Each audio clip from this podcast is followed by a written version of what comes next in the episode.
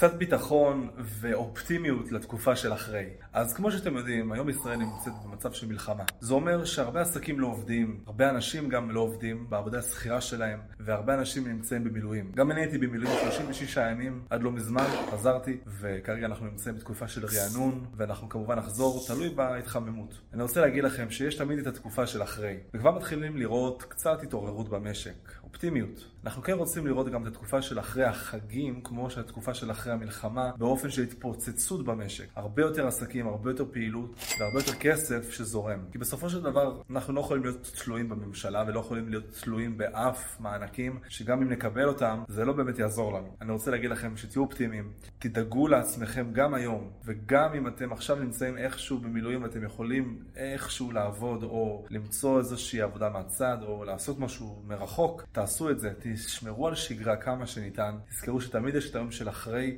ואז הצמיחה תגיע, היא תהיה הרבה יותר גדולה מלפני המלחמה. אז נתראה ביום שאחרי.